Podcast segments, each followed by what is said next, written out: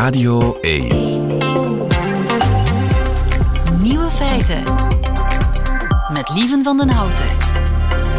Dag en welkom bij de podcast van Nieuwe Feiten, geïnspireerd op de uitzending van 21 juni 2023. In het nieuws vandaag dat Jezus op al uw vragen het antwoord heeft. Wat zou Jezus doen? Veel mensen vragen zich dat af in lastige situaties en op die vraag komt meestal geen echt antwoord. Maar vanaf vandaag is dat anders, dankzij artificiële intelligentie. Inderdaad, vraag het aan Jezus en Jezus antwoordt. Meer bepaald op Twitch, een bekende videowebsite, vooral populair bij jongeren. Het is een permanente stroom van vragen en antwoorden. Laten we even meeluisteren. Jesus, is it wrong to fart in an elevator? Retro Braindell, it's important to be considerate and compassionate to one another in all situations. While farting in an elevator isn't inherently wrong, it can cause discomfort to others in close proximity. Whenever possible, try to show respect and empathy to those around you, both in shared spaces like an elevator and all other aspects of life. Remember, treating others how you would like to be treated is the basis of the golden rule. Matthew 7, 12. Matthäus 7, vers 12. Daarin staat ongeveer: Gij zult in de lift geen scheten laten. De andere nieuwe feiten vandaag. Obesitas zou ook in de hersenen kunnen zitten. Diepgelovige vissers uit het Nederlandse Urk die brengen cocaïne aan land in Denemarken. Rick de Leeuw zoekt een woord voor het grote plan die alle kleinere plannen lam legt. En de nieuwe feiten van Bas Birker, die hoort u in zijn middagjournaal. Veel plezier. Is obesitas misschien het gevolg van een storing in het brein? Een interessant experiment in Amsterdam lijkt daarop te wijzen. Mireille Serli, goedemiddag. Goedemiddag. Zeg ik dat goed, Serli, of is het Serli? Wat u wil. Oh, prachtig. uh, maar in ieder geval bent u hoogleraar interne geneeskunde aan uh, het Medisch Centrum in Amsterdam. En Klopt. u heeft samengewerkt met mensen van de Yale Universiteit om proeven te doen om te kijken hoe menselijke hersenen reageren op eten. Ja, dat klopt. En kregen mensen allerlei lekkers voorgeschoteld? Nee, de, de, de proef was ietsje anders. Omdat wij geïnteresseerd waren in de interactie tussen het maag-darmstelsel en de hersenen. Hebben wij uh, of vet of suiker direct in de maag ingebracht via een sonde. Dus ze kregen als het ware een, een lunch direct in de maag, zonder dat ze hem geproefd hadden. Ja, dus ze wisten ook niet wat ze kregen, of het uh, vet was of suiker. En ze konden het niet ja, zien, ruiken, proeven. En dat was hoeveel calorieën ongeveer? 500. 500, dus dat is ongeveer een maaltijd, een lunch, zeg maar. Ja, goed ontbijt. Goed ontbijt. Ze hebben niks geproefd, niks gekoud. En tegelijkertijd hadden ze, neem ik aan, een soort van ja, helm op uh, om hun hersenen te scannen. Ze lagen in de MRI. Of in de MRI lagen ze. Wat Ja. blijkt uit die MRI? Ehm, we zagen bij mensen met een gezond gewicht dat als je eh, dus die eh, voedingsstoffen in de maag eh, laat lopen, dat er in allerlei gebieden in de hersenen verandering was in hersenactiviteit. Ehm, en eh, toen we diezelfde proef deden bij mensen met obesitas en gingen kijken hoe zij dan reageerden op dat, die voeding, zagen we geen eh, veranderingen in hersenactiviteit in, eh, in, in die gebieden niet, maar ook niet in andere gebieden. Ehm, en toen hebben we die mensen met obesitas nog weer laten afvallen. Gedurende drie maanden waren ze dan eh 10% afgevallen. Ze hebben die metingen herhaald en toen zagen we geen verandering ten opzichte van voor het afvallen. Dus die, zelfs die vermagerde mensen van, die ooit obesitas hadden, die hadden hetzelfde hersenpatroon als mensen met obesitas. Ja, nou, ze vielen 10% af. Hè? Dus het is niet zo dat ze van, een, eh, van obesitas naar een volledig gezond gewicht gingen. Maar ze waren wel 10% afgevallen. En we zagen wel, nou, die, we weten dat 10% heel gunstig is voor allerlei. Hè? Voor de kans op suikerziekte, op hoge bloeddruk en al dat. En we zagen ook wel echt een verbetering eh, in bijvoorbeeld eh, de bloedsuiker. Ehm, maar we zagen niet een ander patroon uh, ten opzichte van voort afvallen wat betreft de hersenen. Ja, maar dus die hersenen die van gezonde mensen reageren op het toedienen van 500 calorieën in de maag, dat zou kunnen betekenen dat die hersenen weten dat er gegeten is. Ja, dus dat, uh, er is natuurlijk een communicatie op verschillende niveaus. Hè. Dat natuurlijk niet alleen op het maagdarmstelsel, maar daar waren wij geïnteresseerd in. Dus daarom hebben we het op die manier bestudeerd. En is allerlei interactie tussen maagdarmen en de hersenen over en weer via verschillende systemen. Uh, en op die manier ja, communiceren ze of er wel of niet gegeten moet worden. Dat is dan de, de simpele uitleg, zeg maar. De simpele uitleg eh, dat eh, die, die hersenen ook een soort eh, ja, beloning voelen, dat ze het lekker vinden. Ik heb 500 calorieën in de maag gekregen. En, en vervolgens het signaal geven van ja, ik, ik ben voldaan. Ja, dat is dus de, zeg maar die beloning voelen. Dat is natuurlijk allemaal onbewust, speelt zich dat af. Maar dat, dat is ook onderdeel inderdaad van het, uh, het eetlustenregulatiesysteem. Dat hoort er ook bij. Ja. En, en dat zou er dus kunnen op wijzen dat obesitas het gevolg is van een storing in het brein.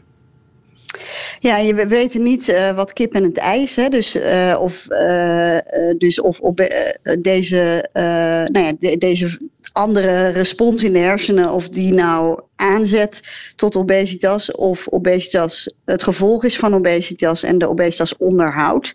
Daar zijn meer studies voor nodig. Dan moet je natuurlijk iemand heel lang vervolgen in de tijd. Maar op grond van studies die er zijn in diermodellen van obesitas en, en ook wel van andere studies, denken wij nu, of gaan we er nu van uit, maar dat hebben we niet onderzocht, dat het verworven is. Dus dat het niet iets is waar je mee wordt geboren per se.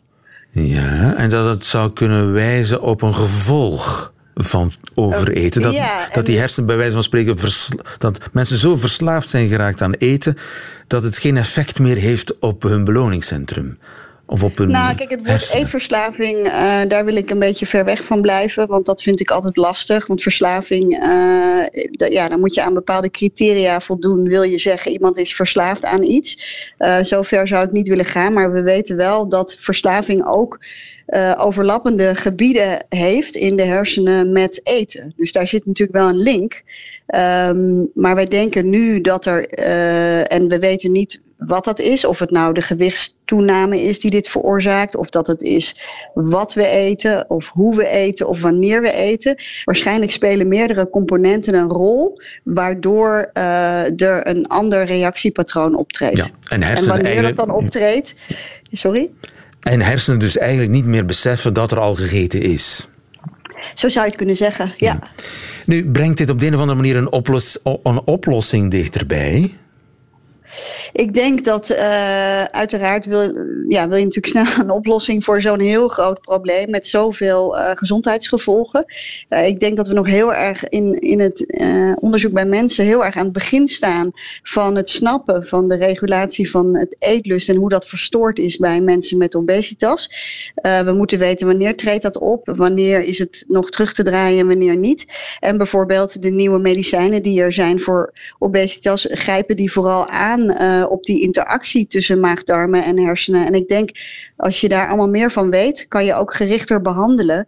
Wat ik ook denk is, het geldt natuurlijk niet voor iedereen. Hè? Dus mensen met obesitas, dat is een hele brede groep. En, uh, en het kan niet zo zijn dat in mijn beleving dat er één pil of één injectie is die dat bij iedereen uh, goed gaat krijgen. Maar het kan een onderdeel zijn van de gereedschapskist om uh, te strijden tegen overgewicht. En we weten nu ook uh, min of meer zeker dat obesitas ook iets is dat tussen je oren zit. Ja, nou, dat woord tussen de oren gebruik ik niet, omdat dat een hele negatieve uh, bijvangst vaak heeft. Omdat dat suggereert dat het, dat het fictief is. Iets dat het iets psychisch is waar, wat mensen uh, bewust negeren of uh, et cetera. Dus dat, uh, dat, zo zou ik dat niet willen nee, dat noemen. Dat is inderdaad verwarrend, maar, dat er, zitten... iets, dat er iets in de hersenen zit waardoor ja, die obesitas... De oren, maar... Ja, ja. oké, okay, dat zijn woorden inderdaad en woorden kunnen soms verwarrend zijn. Maar ik denk dat we de boodschap goed begrepen hebben. Mireille Serli, dankjewel. Goedemiddag. Oké, okay, tot ziens. Dag. Dag.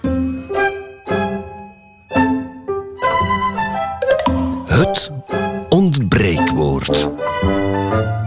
Rick de Leeuw gaat op zoek naar woorden die in onze taal helaas nog niet bestaan. Nee, er zijn geen woorden genoeg. Blijkt elke woensdag in Nieuwe Feiten. Rick de Leeuw blijft zoeken. Goedemiddag. Rick de Leeuw. Goedemiddag, je bent voorlopig nog niet van mij af. Goedemiddag ook Ruud Hendricks. Dag. Hoofdredacteur van Vandalen. Hij kiest het beste woord. Elke woensdag uit de vele inzendingen van de Radio 1 luisteraars. Zo hadden we al Nesties. Ja. Prachtig woord, hè? Ja, ja, ja, voor al je broers en zussen samen. Hè. Brussen wordt ook wel eens gezegd, maar het is niet zo mooi, hè? Bakkes, Nee, nee, bakkes. nee. Nesties zijn broers of zussen. Ja. Vorige week hadden we schoongenoten, moeilijke bevalling, want niet Ja. zo makkelijk uit te leggen. Schoongenoten, dat is ja, wat, Ja, wat schoonouders van elkaar zijn. juist wat je vader tegen je schoonvader zegt. Hé, hey, schoongenoot. Ja. Kraaiennesten is een hele mooie. Rondspeuren naar betere gesprekspartners op een receptie. De hele lijst staat op onze website. Rick, waar, voor welk fenomeen kiezen we vandaag een woord?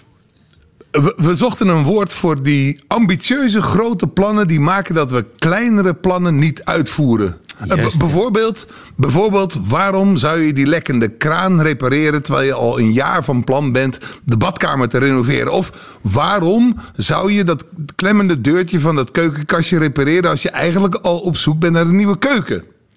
Dat soort problemen. Grote ambities die kleine ambities ja, overrulen. Fnuiken. Fnuiken. Over. Ja. Misschien moeten we daar eens een eh, Nederlands equivalent ja, voor zoeken. zeer zeker. En is er heel wat binnengekomen? Er is heel wat binnengekomen. Ik zal een paar voorbeelden geven voordat we aan de top eh 7 beginnen. Met een aangenaam vleugje sarcasme werd hier en daar management gesuggereerd. ja, ja. Ja. We herkennen het allemaal. Met, met veel oog voor de realiteit werd pragmatisme aangedragen. En uit suggesties als wens, denken en zelfs dromen kunnen we opmaken dat bij onze gewaardeerde luisteraars een hoge dosis ervaringsdeskundigheid aanwezig is. Het is kortom een fenomeen dat ons allen aanbelangt. Zoveel is duidelijk als ik zie hoeveel er is binnengekomen. Goed. eh, hebben wij een top 7? Zijn jullie er klaar voor? Wij zijn Ja. er helemaal klaar voor. Ideaal. Eh, Xander Stro, Xander Stro sorry, en Ines van Watermeulen komen met struisvogelplan. Dat is mooi, hè? Mooi. Dat, is heel het mooi. Struisvogelplan. Ja, we kennen het van de struisvogelpolitiek. Hè? Dat is, eh, dat is je, je, je voert een beleid waarbij je eigenlijk je kop in het zand steekt en, eh, En dus- de problemen eigenlijk niet wilt zien, laat staan ze oplossen. En een struisvogelplan zou dus kunnen zijn die grote nieuwe keuken die Ja. we ooit zo gezegd gaan Ja. bouwen. Eh, eh, En- en maar nee, zie je de kleine dingen niet meer. Dan zie je de kleine dingen. Struisvogelplan. Mooi, ja, die nieuwe keuken, dat is een struisvogelplan hoor. Dat, is, eh, dat is fictie. Ja. Oké, Je, mooi. je voelt hem, hè? Je voelt Ja, ja, hem, ja, ja, helemaal. Ja. Dirk Schoenaars komt met Eclipse-idee. Eclipse-idee. het Ah, ene idee eh, eh, ecl- ecl- eh, eh, Eclipse is een verduistering. hè? verduistert het andere De idee. ene idee verduistert het andere idee. Maar ik zit toch met een probleem. Namelijk, Daarna gaat het weer weg. ja, ja, ja. Bij, nee, bij een verduistering kan bijvoorbeeld de maan de zon verduisteren, maar ook de zon de maan. Dus de vraag Ja. is hier, wat verduistert wat? Het zou even goed kunnen zijn dat het, de grote klus alle kleine klussen verduistert, maar ook door alle kleine klussen dat je de grote klus niet meer ziet. Dus het kan, het, die, het eclipse-idee is- kan alle het- kanten Het is uit. te vaag. Ik vind het een heel mooi beeld, hè? maar het kan inderdaad ook voor juist het tegenovergestelde gebruikt worden. Vind Het is niet duidelijk genoeg, maar het is wel mooi. Mooi, Dirk Schoenaars, toch gefeliciteerd. zeker. Nummer drie. Eh Lieven Godefroy komt met een doeter niet doetje. Oh, jee. Oei, dat waren, Ja, was dat ja. jouw spijsvertering, Ruud? Nee, nee, nee, dat was eh, weer de zure oprisping over van die vlechtwoorden. Ja, ik zou verwachten, doet er niet toetje. eh, maar dat, je hoort meteen waar het fout gaat. Hè. Als je doet er niet toetje zegt, ja, dan denk je dat gaat over een dessert. Zeg je het doet er niet doetje, dan klinkt het alsof het over een slappeling gaat, een half eitje. Hè. Dus, Ah, op ho- die manier, ja, ja. ja, en ik hoorde Rick ook zeggen, denk ik, doe er niet doetje. Dus het is ook nog moeilijk uit te spreken ook. Ja. Nee, nee, Nee. Wordt hem niet. Nee. Sorry. Ik vond de klank zo mooi. Ik kan me wel voorstellen dat je, dat je het graag gebruikt. Een doet in een doetje. De estate, hè. Rick de Ja, de, de estate. estate. Maar wij Ja. moeten de voeten op de grond houden. ja. Met, met de voeten op de grond kom je nooit een stap vooruit. Ja. Jirg, Jirg de Pre komt met Matrushka-plan. Een matrushka-plan. Plan. Hey. Dat is ook een mooi beeld, Hey. hè? Een Ja. matrushka-plan. Dus een- een, plan. Een matrushka is zo'n Russisch... Dat is een poppetje. hè, Zo'n Maar- Russisch poppetje waar een met- poppetje in zit, waar Ja. nog een poppetje in zit en Ja, daar zit nog een popje in. Dat is een heel mooi beeld. Hè? Dus het is een groot plan dat allemaal kleine plannetjes, kleine klussen ehm, bevat. Maar niet noodzakelijk onmogelijk maakt. Maar niet onmogelijk. Maar of, dat, is, dat is het één. Het lijkt wel, ja, als je de grote klus aanpakt, dan pak je en passant ook alle kleine klussen aan. Maar dat uitstellen zit er niet in. Maar het is wel een heel mooi beeld. Oké, oké, oké. Ja. Hou hem Streng, ook streng vast. zijn we, streng zijn we, maar we Heel streng, hè? Ja, maar dat is in dit geval echt l'embarras du choix, vind ik. Hoor. Oké, maar je- het is jouw taak om streng te zijn. Daarom Ja. ben je hier. Oké. Heerlijk. Kijken wat, wat, eh, wat Guus Fluit in kan brengen. Guus Fluit komt met uitstelleritis. Het is een vorm van uitstellen. Het is een vorm van Maar- uitstelleritis, ja. De Maar uitstelleritis, dus uit, bijna ziekelijk uitstelgedrag zou dat dan zijn. Maar, ja, dat is niet per se Maar voor niet die kleine noodzakelijk klussen. met dat grote plan dat Ja. in de achterhoofd. Het is Ja, een, een- maar wel bedankt, want ik heb het even gecheckt al tussendoor. Uitstelleritis is ook een ontbreekwoord. Het staat, staat namelijk nog- niet in Van Dalen. Hoort er Maar dat wel moet er zeker in. Dat, eh, ja. Oké. Next. Rick. Oh help. Oh help. We hadden er nog twee te gaan. We bellen Rick even heel snel in de hoop dat eh, hij zijn telefoon opneemt. Eh, wat doen we? Zullen we met, met wat we hebben... Wat, ik heb nog een iets. Ik heb, wat ik meestal niet doe, maar dat heb ik deze keer wel gedaan. Ik ben eens op de Facebookpagina van Rick gaan kijken, waar al die mooie woorden worden gesuggereerd. Juist. Ik laat me daar meestal niet door beïnvloeden. Ja. Maar deze keer heb ik een prachtig woord gezien. ja, ik heb een prachtig woord gezien op de Facebookpagina van Rick. Ik ben hier. Ja, ja, ja, ja. Rustig, rustig, Rick. Bij, maar het is bijvangst. Omdat het eigenlijk een fantastisch woord is voor die klus die je uiteindelijk niet doet. Ja. En dat is een suggestie van Reinoud Wijma. En die zegt dat is een afstelklus. Een afstelklus. Dat is toch prachtig?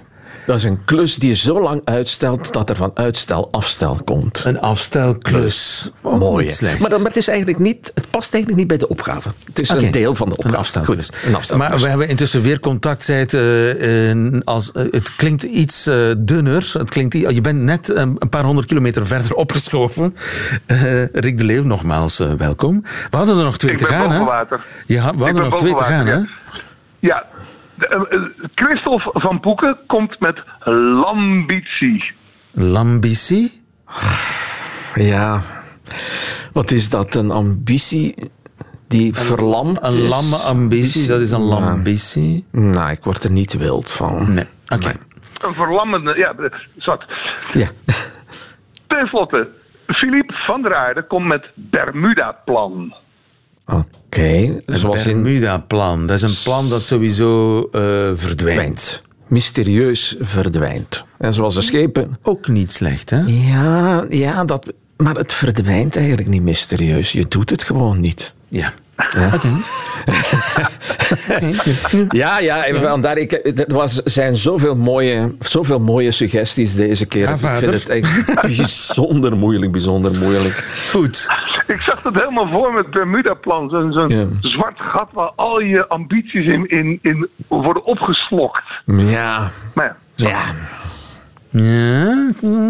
sorry Philippe van der Aarde. Eh, eh, op die manier vind ik het wel, vind ik het wel niet slecht hoor, Bermuda-plan. ja, ja, een plan dat slecht. alle andere Ja. plannen opslokt, zoals de Bermuda-driehoek. Dat is een Bermuda-plan. Als je het zo uitlegt, snap ik hem wel. ja, ik ook. Die nieuwe keuken, dat is een Bermuda-plan. Want dat is een excuus om, de, om elke lekkende Hmm. kraan niet te doen. Om, eh, en, Ja, oké. En daarbij komt ook nog je hebt ook de Bermuda-broek die altijd aan vakantie doet denken. Dus je ligt eigenlijk liever eh, naast het zwembad dan dat je aan die klus begint. Ja, ja. Oké. Ja, oké. Maar wat. Eh, ik, ben, ik ben niet de agent van Philip van der Aarde, dus ik laat graag het oordeel, het Volgens mij de- zal het gaan tussen een struisvogelplan of een Bermuda-plan. Ja, oké. Maar dan doe ik toch het struisvogelplan. We hebben hem.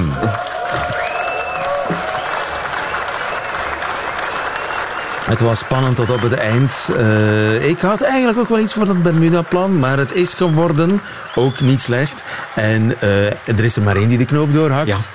Dat is de hoofdredacteur van Vandalen. Het is geworden Struisvogelplan voor die grote ambitie, die nieuwe keuken die elke lekkende kraan laat lekken. Gefeliciteerd aan iedereen die het heeft ingestuurd, onder meer Ines van Watermeulen en Xander Stro. Rick de Leeuw, we hebben een nieuwe opgave nodig.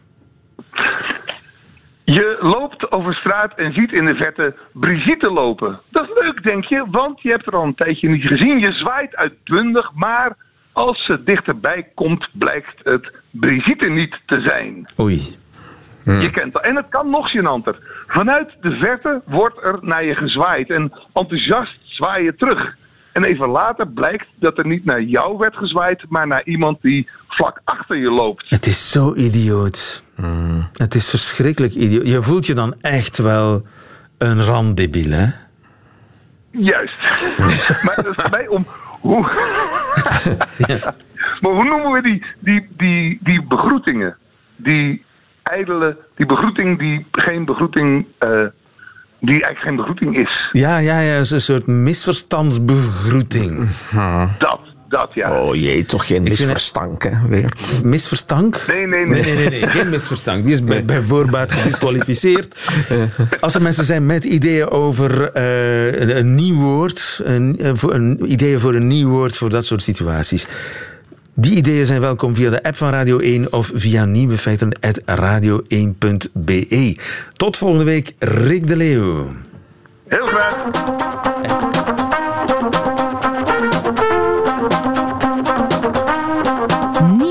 Feiten.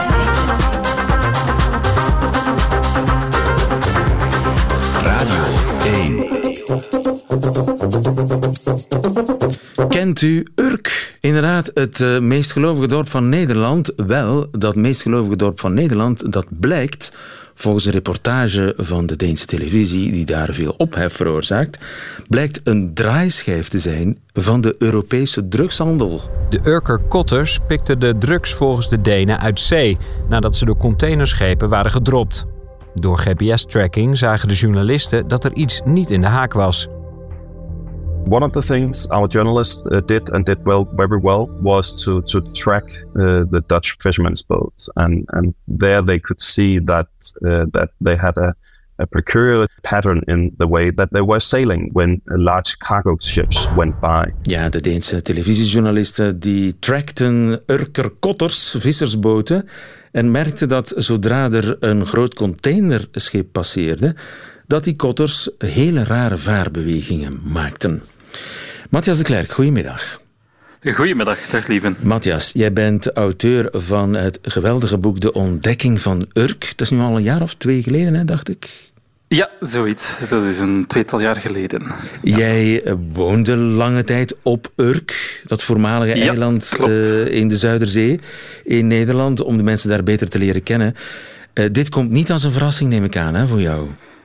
Nee, eigenlijk niet. Je zou kunnen zeggen dat het helaas niet als een eh, verrassing komt, want een aantal jaar geleden is er op Urk ook al, of zijn er Urkers betrapt met eh, 260 kilogram coke in het ruim. Eh, dat was toen een grote rechtszaak en dat er zoveel jaar later opnieuw eh, Urkers in het vizier komen, ja, dat verbaast inderdaad niet. Ja, het is een reportage van de Deense televisie die in Denemarken eh, sinds is uitgezonden daar op zondag eh, veel ophef heeft veroorzaakt.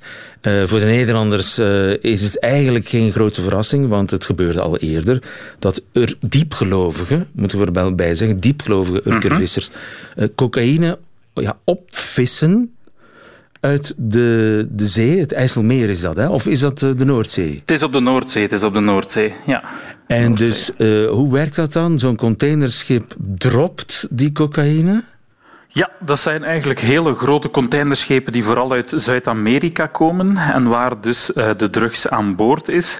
Dat kunnen volledig verpakte sporttassen zijn die vol zitten met cocaïne of dat wordt vastgehangen aan een boei.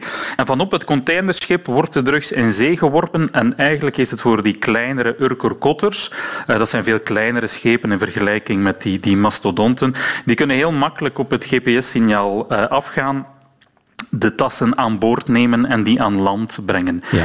Maar eigenlijk is het heel erg logisch dat uh, dit gebeurt. Want als we het hebben over uh, cocaïnehandel, dan kijkt iedereen met argusogen naar de haven van Antwerpen, naar de haven van Rotterdam.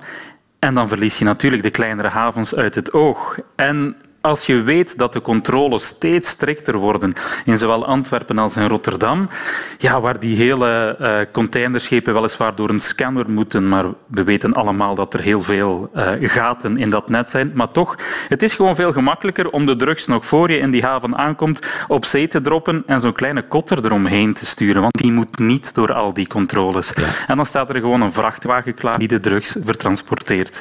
Vanuit Denemarken naar Nederland in dit geval. Ja, want in die Deense havens is er dan eigenlijk nauwelijks controle.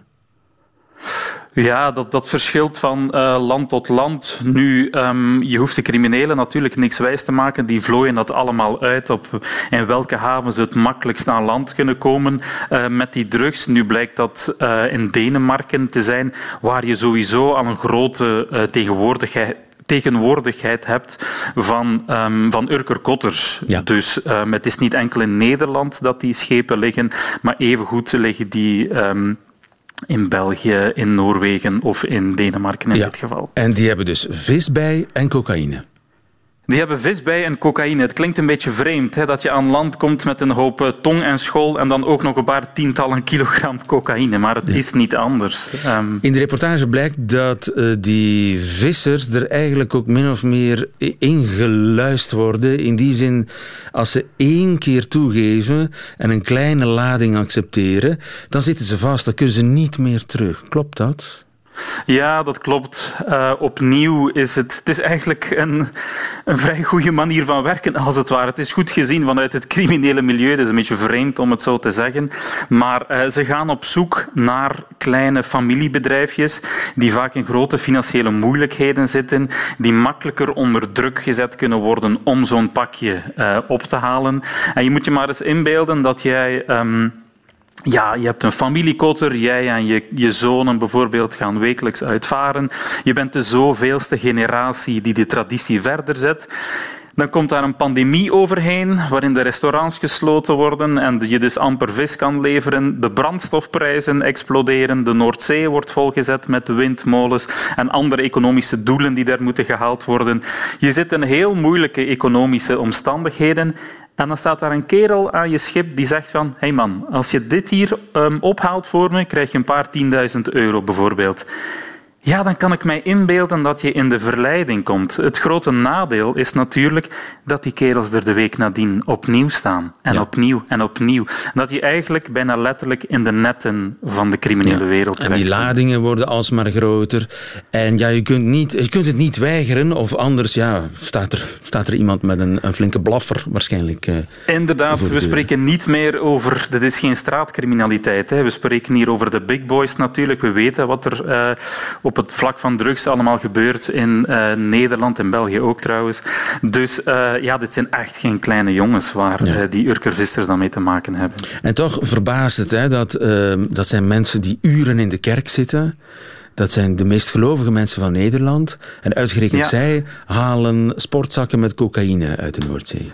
En uitgerekend, zij zitten op zondag opnieuw in de kerk. Ja. Dus Heb jij daar is, een verklaring is, voor, hoe ze dat rijmen?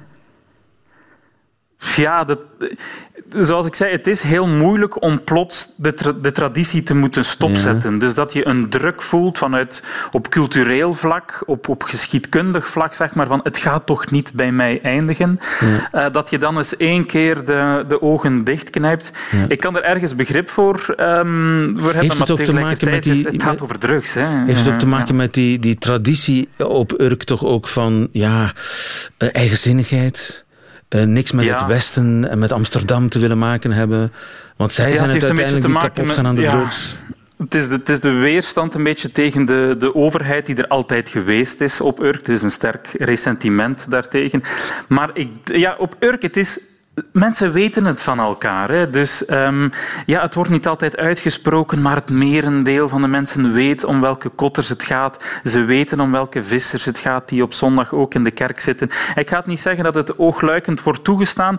Er is enig begrip, maar tegelijkertijd heb je bij veel mensen ook het gevoel van ja, het is wel drugs die je aan land brengt. En er zijn al eh, drugsproblemen op Urk. Dus er zijn ook mensen die kinderen hebben die een bepaalde drugsproblematiek hebben. Ja, ik kan moeilijk zeggen dat die het fijn vinden om dan te lezen dat eh, hun buurman bij wijze van spreken tientallen kilogram aan land eh, haalt. Maar het is zodanig vervlochten met elkaar dat er dus eigenlijk... Sommigen zijn wel kwaad, maar tegelijkertijd is er een soort begrip omdat velen de situatie, de moeilijke economische situatie wel erkennen. Ja, en een omerta natuurlijk. Hè. Niemand zal iemand anders eh, gaan aangeven. Nee, ze gaan elkaar niet verlinken, maar ze weten het wel allemaal. En dat is wel belangrijk. Nu, de zaak is ontploft in Denemarken. Ik neem aan dat daar vanaf eh, de heden eh, heel veel controles zullen gebeuren in de havens. Betekent dit het einde van de, de Urker je kan het eigenlijk nog veel breder zien. Dit is niet enkel een probleem van Urk. Je ziet het op andere kleine havens in eh, Nederland ook. Bijvoorbeeld in Zeeland en Vlissingen hebben ze ook al cocaïne onderschept. Dus het is niet louter een, eh een Urker probleem. Maar je moet eerder redeneren vanuit de kant van de criminelen. Zij weten van oké, de aandacht is nu gevestigd op Denemarken. Dus gaan die nu zich opnieuw verplaatsen naar andere kleine havens waar we nu niet op letten. En waar het misschien al eh, aan de gang is. Ja. Dus ehm, het, het gaat zich gewoon verplaatsen, denk ik. En moeilijk te bestrijden kennelijk. Heel moeilijk te bestrijden. Je hebt er heel veel controle en mankracht voor nodig en dat is niet altijd voorhanden.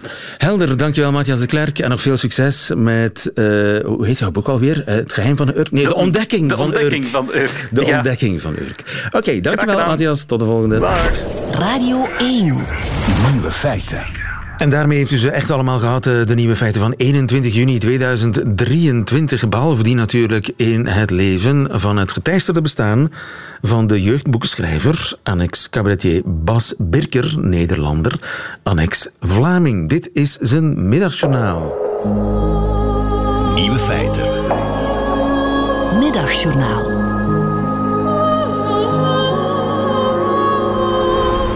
Liefste landgenoten. Terwijl u waarschijnlijk nog aan het uitkateren bent van het volksfeest na de 3-0 winst tegen Estland, zit ik deze dagen met vragen over voetbal. Toegegeven, ik heb misschien ook niet alles op de komt-ie voet gevolgd. Voor alle lotgenoten even een korte update. De, volgens Belgen, beste keeper ter wereld, Thibaut Courtois, had zich afgemeld voor een interland. Dat was vanwege gedoe over wie nu aanvoerder van de Rode Duivels moest zijn, maar voor de zekerheid zei Courtois dat het om een blessure ging.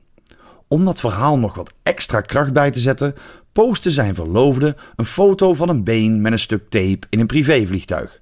Want niets wekt zoveel medelijden als met je benen op de stoel tegenover je in een privévliegtuig. Leg er dan toch een krantje onder. Maar ik dwaal af. Natuurlijk kwam uit dat het helemaal niet om getapte knieën ging, maar om de zogeheten aanvoerderskwestie. Je weet dat iets belangrijk is als het woord kwestie opduikt. Dat is een voorbode voor crisis met een kleine tussenstop bij station probleem. De kwestie grondrechten, het probleem Mintjens, bestuurscrisis. Dat is de volgorde. De kwestie Rousseau, het probleem geaardheid, leiderschapscrisis. Schrijf maar vast op. Ik heb geen mening over wie de aanvoerder van de Rode Duivels moet zijn. Ik heb niet eens een mening over wie de Rode Duivels moeten zijn. Maar ik vraag me wel af waarom ze een aanvoerder nodig hebben. Wikipedia vertelt me dat de kapitein van een voetbalploeg het verlengstuk van de coach is, de leider in het veld en dat hij mee mag tossen. In dat geval zou ik kiezen voor degene die het verschil weet tussen kop en munt. En dat is dus niet iemand die met zijn kop overal munt uitslaat. Daarnaast is de aanvoerder de enige speler die in discussie mag gaan met de scheidsrechter. Ik weet niet of u ooit een voetbalwedstrijd hebt gezien, maar ik heb het donkerbruine vermoeden dat 100% van de voetballers Wikipedia nog niet gelezen heeft. We gaan de aanvoerders moeten afschaffen. Er is er namelijk maar eentje, dus dat wordt altijd ruzie. Voortaan kiezen we geen aanvoerder, maar een aansteller. En het leuke is, dat mag iedereen tegelijk zijn.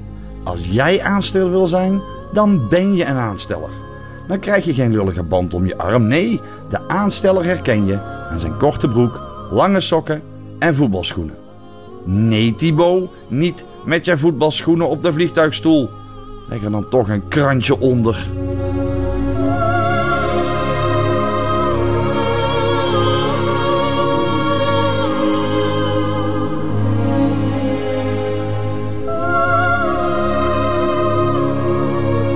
En dat waren ze meteen, de nieuwe feiten van vandaag, 21 juni 2023. Hoort u liever de volledige radio-uitzending met de muziek erbij? Dat kan natuurlijk live elke werkdag tussen 12 en 1 op Radio 1 of on demand via de Radio 1 app of website. Tot een volgende keer.